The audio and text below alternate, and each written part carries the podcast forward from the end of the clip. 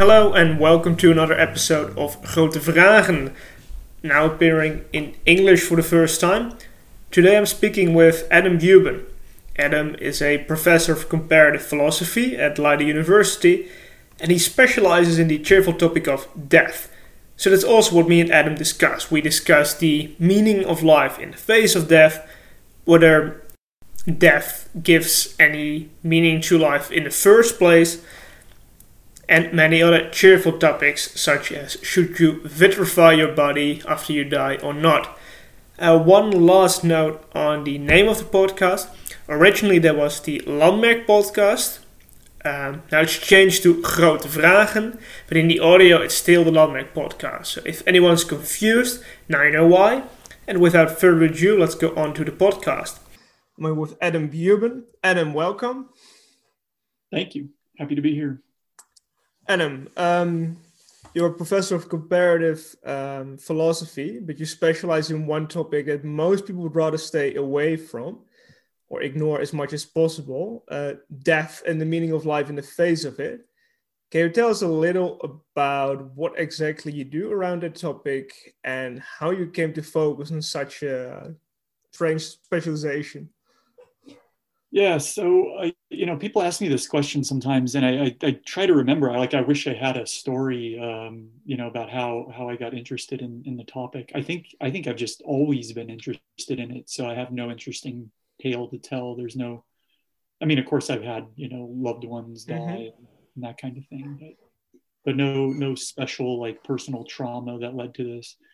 I think I just realized, you know, sometime in high school that, you know, everything my my friends were worried about you know for the future just seemed kind of trivial because you know we're all going to cease to exist someday. So mm-hmm. i've always kind of had that concern. And so anyway i think that that carried on through my philosophical studies. And once i was beyond this the general philosophical studies i you know i was able to specialize in something that was just where my my interests gravitated. Um, I did. I spent a I spent a year teaching uh, teaching English in Japan, mm-hmm. uh, in between master's programs, and so I was reading all of this uh, this literature. I'd always been interested in the martial arts, and uh, and so I was reading all this literature related to the uh, the samurai, and uh, and going visiting all these sites while I was over there. So then when I came back and started my second master's program, I'd been doing that for a year and uh, started taking a, a, Kierkegaard class actually. Mm-hmm. And um, my Kierkegaard professor um, thought it was really interesting that I'd spent time in Japan, and I was noticing these parallels between what he was saying about death, Kierkegaard, and what I'd been reading about in the previous year. And so that led to a, a master's thesis on a, a comparative project between this Japanese thought and Kierkegaard and his Christian view you'd think that these things wouldn't have much in common, but on the topic of death, it turns out they did. So at that point, I was just kind of, you know, I was kind of hooked, right? That was the beginning of my, my research uh, career. And uh, yeah, so since then, it's just, you know, you read more literature about death, philosophy of death, uh, religious stuff on death. And um, yeah, so uh, you know you re- read some something new you're like hey that's interesting you start reading more and now you want to write a paper about it and so that's just kind of morphed through the years into all kinds of different things and now i'm talking about the desirability of immortality a lot mm-hmm. so anyway that's a lot uh, i won't keep rambling there no, I guess that goes for most topics. That once you really delve into it, it's the snowball effect that you, you see the complexities uh, and I guess then most things will become interesting. I want to go back to something you said um, about your friends in high school, like that most things seem trivial. Yeah. Uh, well, like, just a question: Don't all things seem trivial? Like, isn't just uh, the idea of death, then assuming there's no afterlife, doesn't that just flatten everything? Like, like why would some things be still more worthwhile than than others? Did, did I say most? If I meant most, I, I meant I, I, should have said all. Oh, all, um, yeah. yeah. No, yeah. I, I mean, I, I agree with you. I think that's that's the thing. You you can't you don't play with death, right? You know, death death doesn't uh, tell you that some things aren't worthwhile, but but other things are really mm-hmm. important. I think you're right. I think death has this this special quality of kind of annihilating everything, knocking knocking everything else down. And um, you know, so so I, it's not that I think it's impossible to cultivate some kind of limited sense of value or meaning in your life, but it's always going to be kind of limited. Uh, yeah, I don't think there's you know if we're again if we're assuming no no you know big afterlife here, um, yeah, I think I think death's going to reduce all the things you care about to nothing at some point, whether you want it to or not. Um, that doesn't mean you can't uh, appreciate something about it now. But if we're being honest with ourselves, we should be aware that that it's always limited and contingent, specific to us, and very transient. So I, I think as long as we're being honest with ourselves about that, I don't think we have to descend into some like nihilistic despair. The problem is, I think most people don't don't give it any thought whatsoever um, and then something will happen and then all of a sudden they fall into nihilistic despair because they never bothered to to give it any thought when when things were okay they just kind of yeah, without, yeah. without thinking they just fall into you know habits of assuming that there's meaning yeah so it's it's one of those things that you're going to be faced with it anyway and it might be wise to like look it in the eyes before you're you're forced to do it right because like it's it's a blow that's coming anyway, and a blow you don't expect probably falls tw- twice as hard. Um, so, like, you've probably thought a lot about this. Can you tell us something about the value of studying death, like beyond mere interest? Like, let's say somebody is not academically interested in death. Why shouldn't they go to like, um, why, why shouldn't they like avoid the topic, or like, what's the value for them studying it? Yeah. So honestly, I'm, I'm kind of torn on this on this question. Um, I think there's a case to be made for, hey, you're gonna you're going to die no matter what. Um, but if this you know if this like ruins your day, then I, I kind of sympathize with people who would just rather put it off as long as possible. Just don't don't think about it because what's the difference, right? What's again, if we're saying that death is is kind of leveling everything down, um, what's the difference between my constant thinking about it and somebody else is never thinking about it, at the end of the day, it's all going to be leveled down to neither of us exist anymore. And we, we each spent time living a life and it's over now. How it was spent is somewhat irrelevant in the grand scheme of the universe. So, uh, so I am sympathetic to that, to that point of view. However, having, you know, having studied, you know, philosophy for a long time, and especially, you know, I, I've gravitated towards these so-called existentialists. Um, but we could, I mean, you don't have to, to go that far. I mean, you just go back and look at Socrates.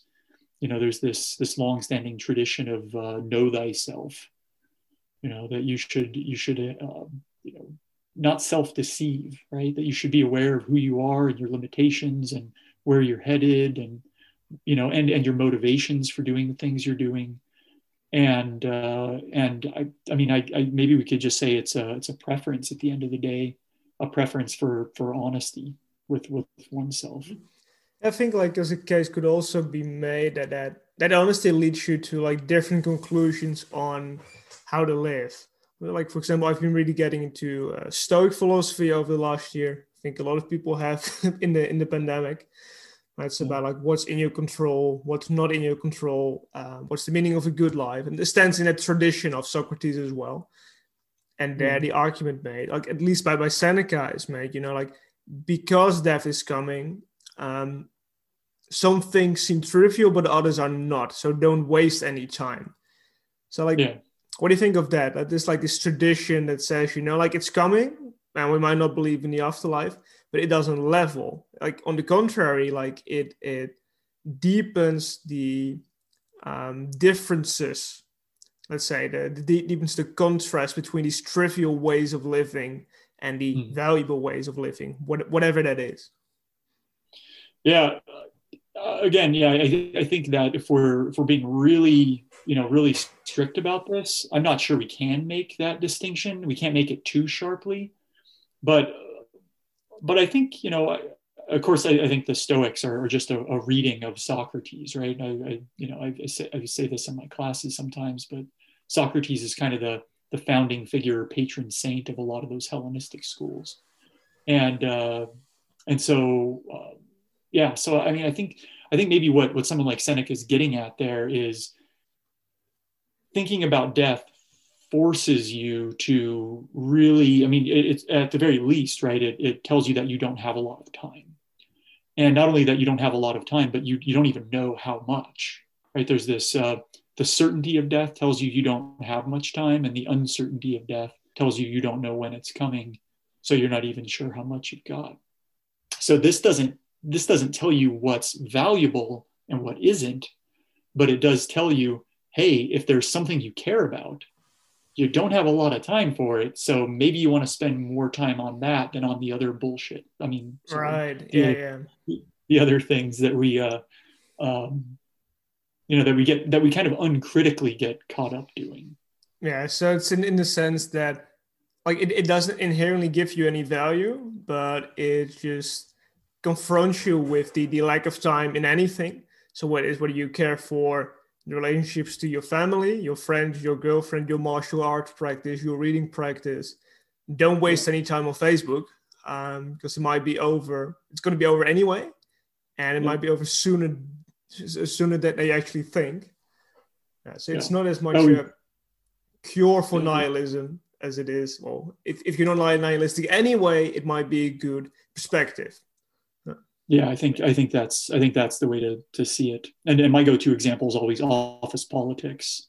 And we have the, that, that cliche expression like life's too short.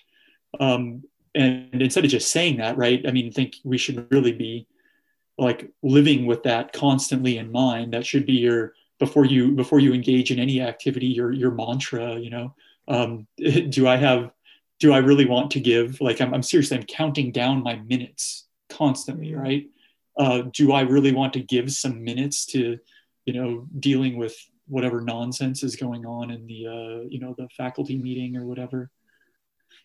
Yeah. it's like how does this affect your life right? Because like there's these academic disciplines where it's like you know it, it, it's work eight hours a day i study migration patterns of east african elephants then i get home and that's about it. I guess this is something that permeates your entire life. So like what, what difference does it make in your life that you focus on death much more than the average person does? So uh, that's a, yeah that's a tough question. So there's i mean there's certainly like a lot of you know kind of the the darker personal moments when you know when you're really you're really kind of dwelling on the on the issue. Um, but i'd say you know just on a, on a more of a practical level um, you know i think it's it's led me to cut out a lot of a lot of little things like a lot of a lot of the i mean everything from like the way that i you know i, I dress myself and uh, groom myself to uh, the kinds of relationships I get into, and um, you know, it's I, I, think it's got something to do with uh, with why I you know I, I don't want to have children.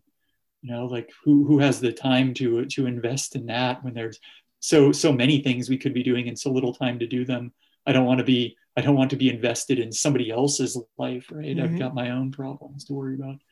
Um, I know that that sounds selfish to some people, but I would reject that kind of a claim. Yeah. Um, so but not, I, I yeah. think so. It's perhaps yeah, it's not ahead. like an automatic argument against having children, but rather a good argument not to do it by default because everyone is doing it, right? So like it's after yeah. careful consideration that that could be be your conclusion.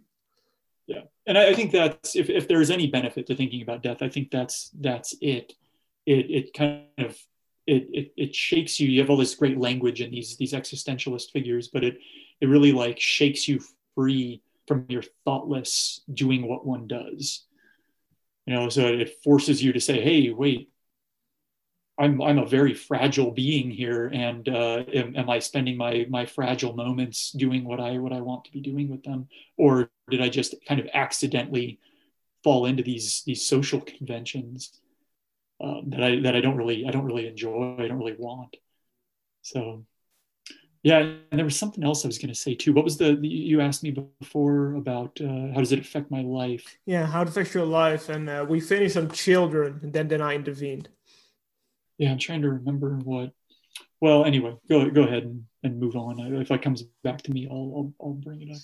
Yeah, no, like I'm, I'm kind of curious what it looks like more concretely. Like it's like very different people also look death in the face a lot, but they draw very different conclusions, right? So, for example, I took a class with you on the samurai, and they, they had this idea of, you know, like death could always be there. So you do your duty to the best of your ability.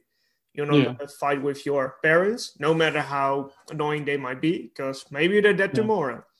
And yeah. you're not going to be a lousy swordsman today in your practice, because maybe tomorrow is the big battle, and then, then that's all you need. But yeah. I don't think they really like the karaoke parties or just general hedonism. And other people like, and, and I know you like you, you, you like your karaoke, so like I do. Yeah. What's the difference between the average samurai warrior and uh, Adam Buben? So uh, that's a that's a great question. So um, I think I think the you know a lot of the stuff we read in that class, what you're seeing is uh, you're you're seeing a sort of um, uh, like a propaganda, right? It's uh, you're, you're you have these people in in positions of uh, of power or the the kind of the people next to the people with power who are are putting out these ideas uh, using death, right? Using the the, the imagery of death to uh, to kind of coerce people into behaving in a certain way. And and so I'm I'm not convinced that that thinking about death has to lead you into duty to your master, right? I think I think that's that's one way you could go, right? If that's something that you value, um, but um, you know it could take you in a number of different directions. So so I think you know what what you see in those texts is is not just thinking about you know your impending doom. It's uh, it's sort of a um, you know a forced thinking about death to push you into a particular direction so it's interesting. I mean, I'm really I'm fascinated by those by those texts, but um, but at, at, the they're, they're not texts I would I would I would live my life by. Yeah, like I guess it comes down because, to what we what we said before that like death doesn't have a program, but if you have a program, then death probably strengthens it or just just um, brightens the contrasts between your life and the lives of others. So in their case, it might be duty to your master and swordsmanship, which was important anyway. And in your yeah. case, it might be karaoke parties and reading, and uh, whatever exactly. else you have to fill your days with. Exactly. Yeah. And when it when it comes to the the, the karaoke, I mean, I I, th- I think that that one thing, you know, one thing that, uh, as we've said, right, because death just kind of annihilates everything. I mean, and if we're if we are in a world where we're not dealing with some kind of you know uh, like a, a post Nietzschean world where we're not dealing with uh, with absolute truths that are hammered into the the structure of the universe in one way or another, um, then and and then you think about death and it shakes you loose from some of those social conventions you get wrapped up in uncritically. Then why not sing some karaoke or get a little crazy or you know I'm not saying you need to, to, to do that all the time. You can do whatever you want, but um, you know, but there's certainly there's certainly not a lot of uh, not a lot of reasons to avoid getting a little weird every once in a while. You know, like I think it's very interesting, interesting topic, and I think I want to go there. Like perhaps not necessarily social conventions, but like what's the role hedonism here, right? Because some of these texts they say, oh, you know, like because life is so short there's no time to drink wine, right? Seneca, for example, like the Stoics in general, um, like very, very much are against this. What what they see as pleasure, like you can have a couple of glasses of wine, that's fine, but they they think like life is too short to be hungover. Whereas many people, I think, draw the opposite direction. Like because life is so short, I might as well be hungover. Doesn't matter anyway. And as um, someone with a lot of karaoke experience and philosophy experience, like where do you stand on that? Like, what are your thoughts on the relation between hedonism and death?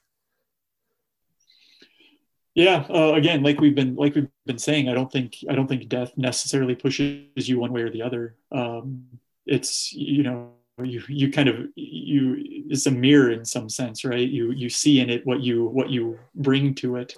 Um, so yeah, I I think for for me personally, right, it's uh, a matter of uh, there are things I care about a lot, but you also need uh, to kind of relax the mind every once in a while.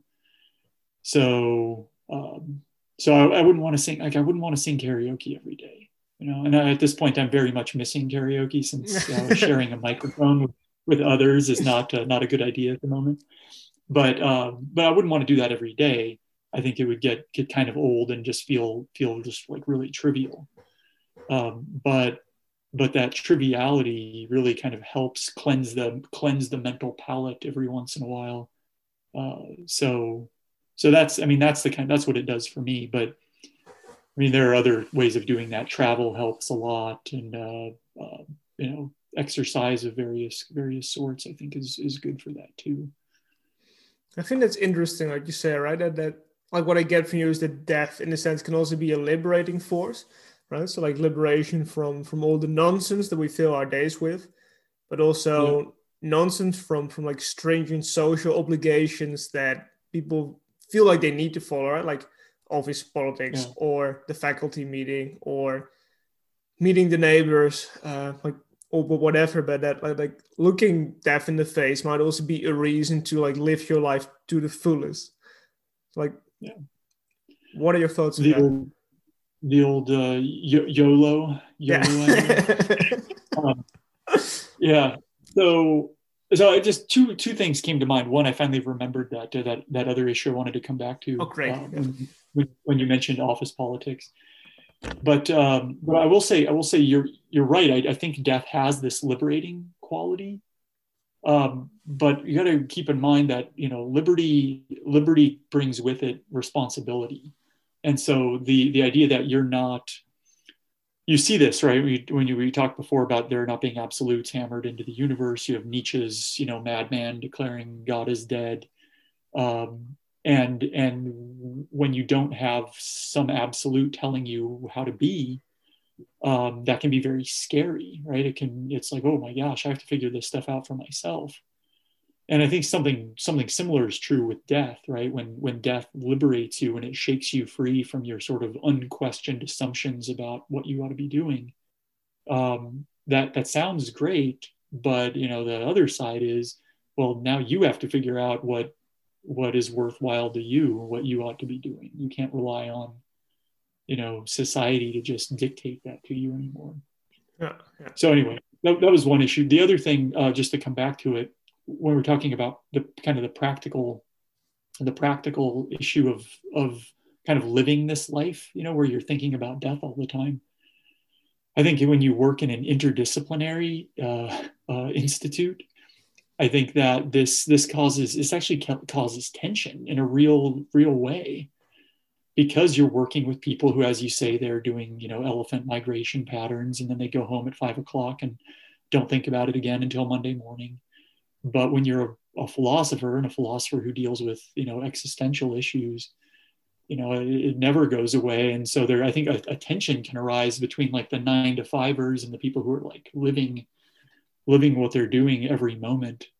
Um, and in fact i you know i don't i don't even take weekends off. I'm, I'm always i work saturday and sunday every week unless i'm traveling. So um, and I, I think that's the, the the life that you the life that I want, right? I think that's mm-hmm. part of what this thinking about death does for me. Uh, you know, it doesn't make me a weekend warrior. It makes me somebody who's kind of living, living the same way constantly. Anyway, right. so maybe that was just coming back to something, mm-hmm. but no, like I think there's a deeper theme that's not unique to death, or like it's it's probably only true if if you didn't believe in society anyway, right? Because like if you think societal norms are very important to begin with, that death is just a reason to adhere to them more, right? For example, like with, with the what, what the samurai do, but then yeah. like with any other kind of of breaking down of social norms, like if you don't believe in social norms anyway, and death puts urgency on that, then can they can put you at odds. Uh, I think yeah. with the way with with convention in general. Yeah.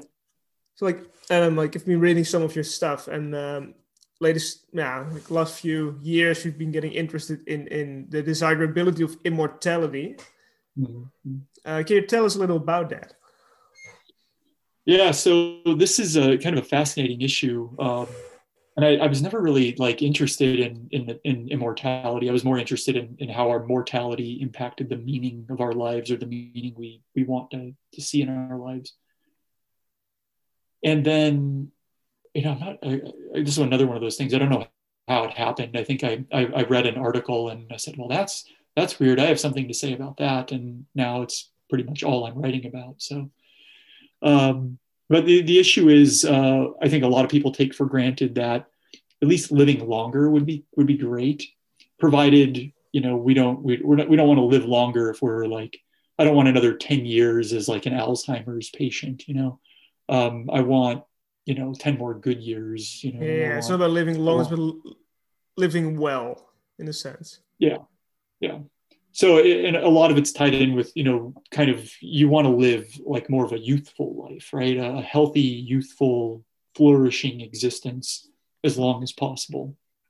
And so you know and so this gets you into all all kinds of other things that aren't necessarily philosophical but there's you know there's transhumanism right? And there's there's all of these scientists and uh, you know people working in tech that are, are interested in you know uh, different different and diff- other other areas right? Pharmaceuticals and you know all these things that we do to try and not so much look younger i'm not really so interested in in that right? But like actually rejuvenating ourselves in such a way that you know lives could be extended and the, the good parts of lives could be extended. So uh, so there's a lot of that stuff going on um, anyway, huge industry, right? There's a lot of people mm-hmm. who are interested in in uh, youth and longevity for a number of different reasons, and so there's so much of that out there, and it permeates, you know, pop culture uh, in profound ways, and and so uh, we I think we kind of take for granted that yeah, that sounds awesome. Like I'd I'd love to live 200 years, or you know, and some people you know maybe they don't think about it as hard and you know, living forever sounds good. Religious people, of course, about, uh, a sense of heaven where you your your personality persists forever. Um, a lot of people take for granted that this this would be cool, that they'd want this. So you know, then you start like, reading some of the what did, like what did it get wrong? You think? Because like on, yeah, on the so, face of it, it sounds absolutely great, right? So so then I start you start reading all the literature and you realize that uh, that what philosophers have focused on is not you know how great it would be because that doesn't sound like a philosopher right? We don't talk about how great things are. We we point out all the problems in the world. So the a lot of the literature focuses on how you think you want immortality but you really don't because you you know if you lived even a little bit longer than you currently are, are likely to, you'd get really just irreparably bored. Um, you'd run up against the limits of what, what humans are capable of valuing. Um, you'd run out of projects you find interesting. Um, you'd, you'd may, maybe you'd find other ways to value things, but they wouldn't resemble the ones you have now. They wouldn't be human values anymore. So then why do you as a human being want to keep living in order to have non-human values that doesn't make any sense.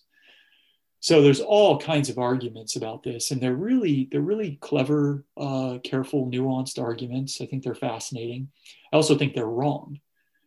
So uh, so what i've gotten into is is uh, defending immortality uh, not from that superficial sense where everybody thinks oh yeah technology is going to make us live longer. This will be great but defending immortality after the thoughtful critics of immortality have made their criticisms. Mm-hmm. So essentially, so that's, making that's the case my... that it, it it doesn't need to be, it's not inherently going to lead to boredom or or nihilism or just a, a bad life. Yeah, and and and I think I think necessarily is the right word because you know I'm I'm open to the possibility that for some people in some situations immortality could end up horrible. And and so that's why you don't want to, you know, if somebody hands you a magic potion, you really want to give it some thought, right? I think the, the these critics of immortality, they're not idiots. And so you want to you want to ponder what they're saying carefully. You want to consider the arguments on both sides because that's quite a commitment. Um, especially if it if it's uh, the kind of immortality. Now we have to get into types of immortality, right? But if it's an immortality where you cannot possibly die, um, that's a, that's a serious commitment. You want to really be careful that you don't end up in some horrible. You want to read the fine print, right? You want to make sure you're not gonna. You don't want an immortality where you can't die, but you keep aging. Mm. right? You you don't want an immortality where if I if I like launch you into space, um, you can't kill yourself because you're just going to drift forever through the void. Um, maybe someday you'll hit like a solid object again, maybe because the universe is a big place. Um, you don't want those things. So meditation, you know, Adam. Like all, all these people could could become enlightened saints. Like all all, all you can do is in, in, in outer space is probably uh, focus yeah, on the nature of consciousness.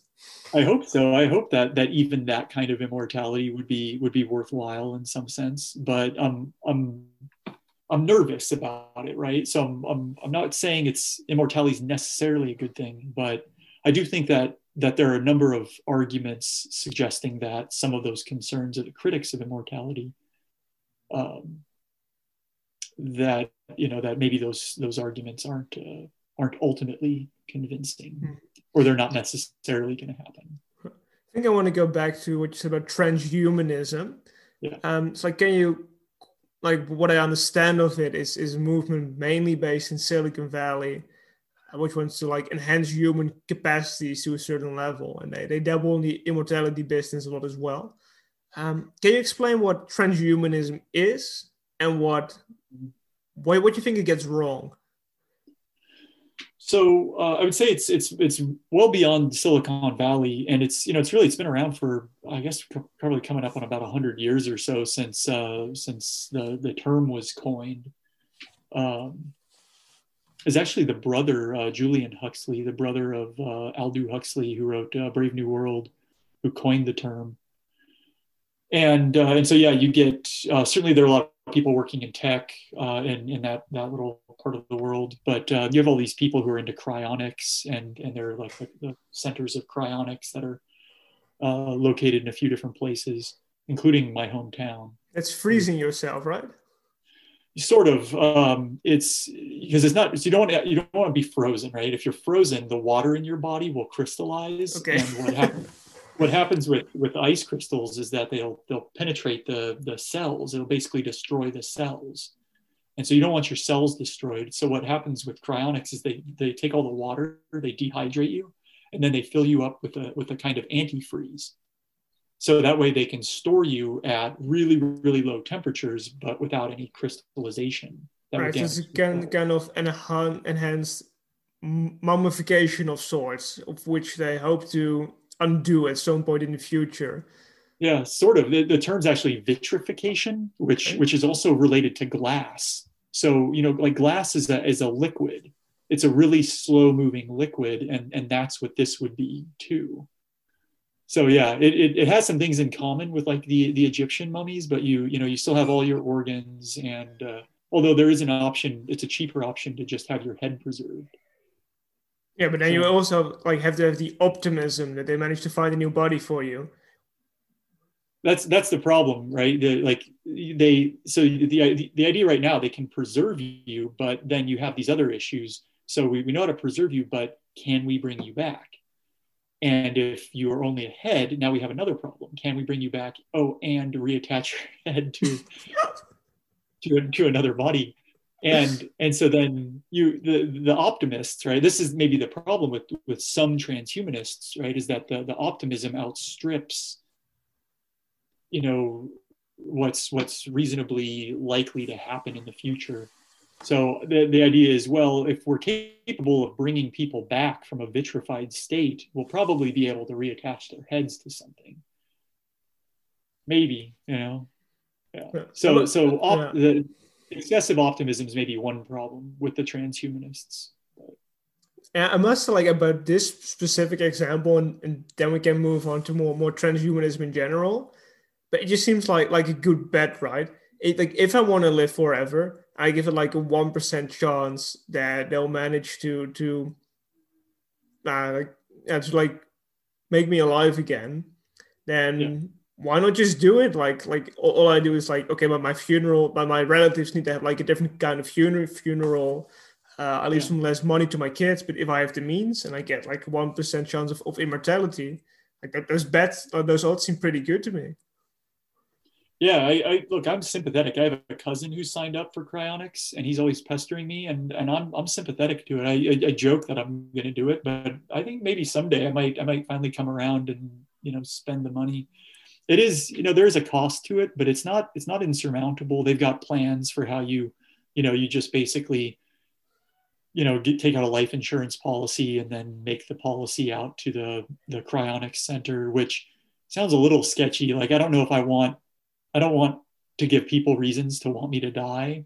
And if if you have a life insurance policy and you're, you're the beneficiary, then you you have some incentive to want me to to you know to not be around anymore. So, uh, but anyway, I think it's it's possible, and it does. You know, if your option is rotting in the ground, like almost no chance of this working is still way better than yeah you're rotten in the ground and there's zero chance of this happening you know? So so i'm, I'm sympathetic to the cryonics crowd. Uh, transhumanists go way way beyond this though right? Transhumanists are interested in kind of in, in kind of what the word says transcending the sort of ordinary biological human condition um, through all kinds of technological means. So you know things like um, pharmaceuticals would apply here um, you know, just all, all kinds of medical advances, um, nanotechnology, where you know the little the little bots could go in and fix your deteriorating souls, uh, cells, not souls. Geez, uh, both, both.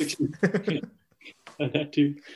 Uh, they'll fix your cells, and then you know, there's also like the cyborg side of this that over time we're going to replace components of our body with more durable machine parts, and then maybe at some point you know, they even get into issues of uploading where you won't even be dependent on a fragile biological body anymore. You could have a robot body or you don't even need a body because you're just kind of plugged into the matrix. And then then you get other bigger concerns with transhumanism because how do you know that's still you? That's really the big the big problem. There's optimism for things like uploading, but there's no real understanding of personal identity to go along with it. I mean, like to a certain degree, I like uploading is perhaps like a bridge farther, but when it comes to enhancing, it seems like something we're doing or even like aiming at all the time, right? So, like, let's say I'm I'm 15 and I start working out, and at mm. 35, I've been working out like mad for 20 years, and I've got a completely different body. It's very recognizably not the body of my 15 year old self but it's yeah. it's way but like it has transcended that in the, in the best of ways. And if i can do the same for my brain which i hope to do at university a lot of people do yeah. like what's bad about it? Like why would i want to stay the same person if that person is inadequate compared to what i could be? Yeah. This is what a lot of transhumanists say you know they, they say look we're not crazy. We're, we're talking about just a, like a further extension of what we already do anyway. We're all trying to to improve ourselves to transcend our origins um, and and and in that sense, I'm totally on board. Like I I sympathize with that. You know, at, um, you know, at, at the point in life where you um, you know you you have been building yourself up. You know, physically and mentally, you've been trying to to cultivate the kind of uh, person. Right? I feel like that's what life is: is just cultivating a, the kind of person that you you want to be. Um, and uh, and then you get to a point where all that hard work it just starts falling apart you know like you keep keep working out you know that's great it's good for you. But you know if you expect to continue seeing gains at some point you're not seeing gains anymore you're just trying to hold on with your fingertips to the ledge you know? Oh, uh, and, and that's a it's bleak right? It's but it's true. And the transhumanists are saying well but imagine if we could do a little bit more through technology then you wouldn't have to lose those gains. That sounds fantastic. Sign me up but I think I do think some of it goes a little bit into the a little too far into the fantastical and the the the sort of incomprehensible once we start dealing with uh, mind uploading and personal identity problems. Yeah. But yeah, most most of it, like I'm, I wouldn't call myself a transhumanist, but I'm uh, I'm transhumanist friendly most of the time. I mean, like if they can give me some matrix-like chip that just just enhances my ability to learn jiu-jitsu way faster, or like learn like, like just read read books a thousand times as fast as, as I can do now. Like that, that sounds great. yeah. It also sounds like a boyish fantasy. Don't get me wrong, but it also sounds absolutely great. Um, yeah, um, sign sign me up. I'm not chips. I, I, need a little. I need to know some of the details before I sign up for like implanting chips in my brain. Um, but I'm, I'm certainly I'm certainly up for uh, you know all kinds of medical interventions, pharmaceutical interventions. Um, I might even, you know, I might even welcome the, the nanobot swarm into my body every once in a while to clean up my cellular damage. um, I think I, I, like the nanobots to leave afterwards. You know, I don't know that I'd want them in there, yeah. but yeah. Preferably they do. Yeah, Adam, like if I, I want to get into like a different kind of um, dystopian development uh, that mm-hmm. you you've been writing about.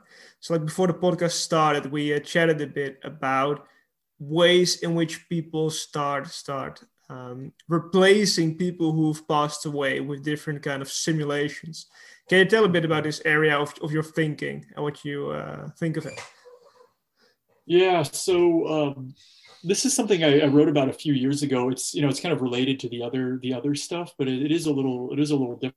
It's it's less about you know whether we want to live forever and more about uh, how we relate to the dead and um, and I you know I was just seeing some trends, uh, and it's it's really it's been such an interesting time because a lot of these trends that I was talking about seven eight years ago, um, you could already see the beginnings of them, but now they're really like they're. I feel like you know, a couple of times a week somebody's sending me a new an article about some new development like this. Um, you know this uh, this Korean television show we were talking about uh, earlier. Um, Can shortly explain what, you, what, was happening in a Korean television show?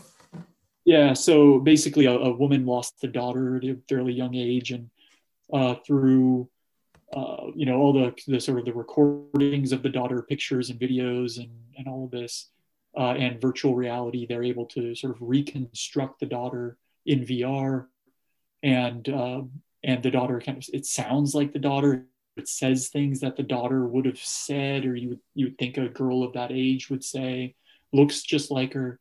And so the, the mother in this virtual reality space is able to kind kind of interact with the daughter. It's it's you know it's got some it's got a ways to go right? This is what you always say about these technologies. Like it's it's not perfect. It doesn't cross the uncanny valley entirely. But when you watch it you're you're just like wow i can't believe that people want to do this, that we have the technology that's pretty good to make this happen. I mean, look, we just we just had uh, you know young Mark Hamill show up at the end of the Mandalorian uh, a couple of months ago. Um, the the things we're capable of now, um, and and that's not that's not even he's still alive, right? Think of the the dead actors we've re- re- reproduced in movies. Um, and you know and the the dead rappers that show up and perform on stage mm-hmm. at, at, music festivals um, I mean, like if you, know, see the stuff they can do with deep fakes, you would think that within 10, 20 years, they could easily um, have like a very realistic looking image of someone's dead parents, talk to yeah. them, right? Yeah. And so I think some, some of this, right, we have, we have question, we have ethical questions about um, whether we should be I the, the one that's really was really kind of interesting is um, there was some announcement. Who knows if this will ever happen, but there was some plan to make a movie uh, that would have uh, James Dean in a significant role, even though he's been dead for 50 years or 60 years or something. Um, and who, like, do we want that? And who's responsible for that? Is the estate of James Dean like selling out, you know, dead James Dean imagery to make some money. Um, it, it, seems kind of shady to do that to a dead person without their permission. Uh, but the dead don't exist, so do they have do they have rights? Are these things we need to start including in our wills? Like, do not do not use me in a movie when I'm dead. Do I need to specify that now? So we've got all those kinds of issues. But then I think the more interesting problem is um, when we, we when we want this, right? When we do this to ourselves, so that's what I've been most interested in when you might uh, we've got you know like black mirror episodes mm. that that depict this really well but you might want uh, when you're dead since you know we don't have the technology to actually make you live longer uh, you know cryonics aside um, but so so maybe you think that in some sense you can continue living as a like a chat bot by collecting your all of your social media stuff your emails your voicemails. Um, you know maybe you record some of this stuff on purpose. Like every day you spend half an hour recording your thoughts on a variety of topics. So that way when you're dead it can all be put together into a big u-bot right? And where, where all of this information is uh, and it gets synced up with your voice and voice recognition technology like you know siri and alexa but you know but better in a few years. So it can respond to you in, in like a conversational way. It will sound like you. We can use video. Can look like you. We've already seen this with that vr story. Um, so you could do this to yourself and and provide a like a reasonable facsimile of you that can live live right? I'm finger quotes here uh, forever in some server uh, and and people can continue to hang out with you? Like how do you know i'm not dead right now? You just see this you know this moving this talking image on a screen. I hope like so if, adam. But it would also be great for for my podcast if i could just invent guests through vr and just have exactly. them talk to me but you could have famous people on right and like get uh, you know genghis khan interview today alexander the great that would be great yeah i could actually do yeah. that at some point we, but we, you know, that those people, we, you know, we don't have any, you know, we don't have enough information. But you know, you could, you know, go back to somebody who died, you know, a decade ago or something like that. We might have a, a ton of this kind of material, and we could easily recreate them.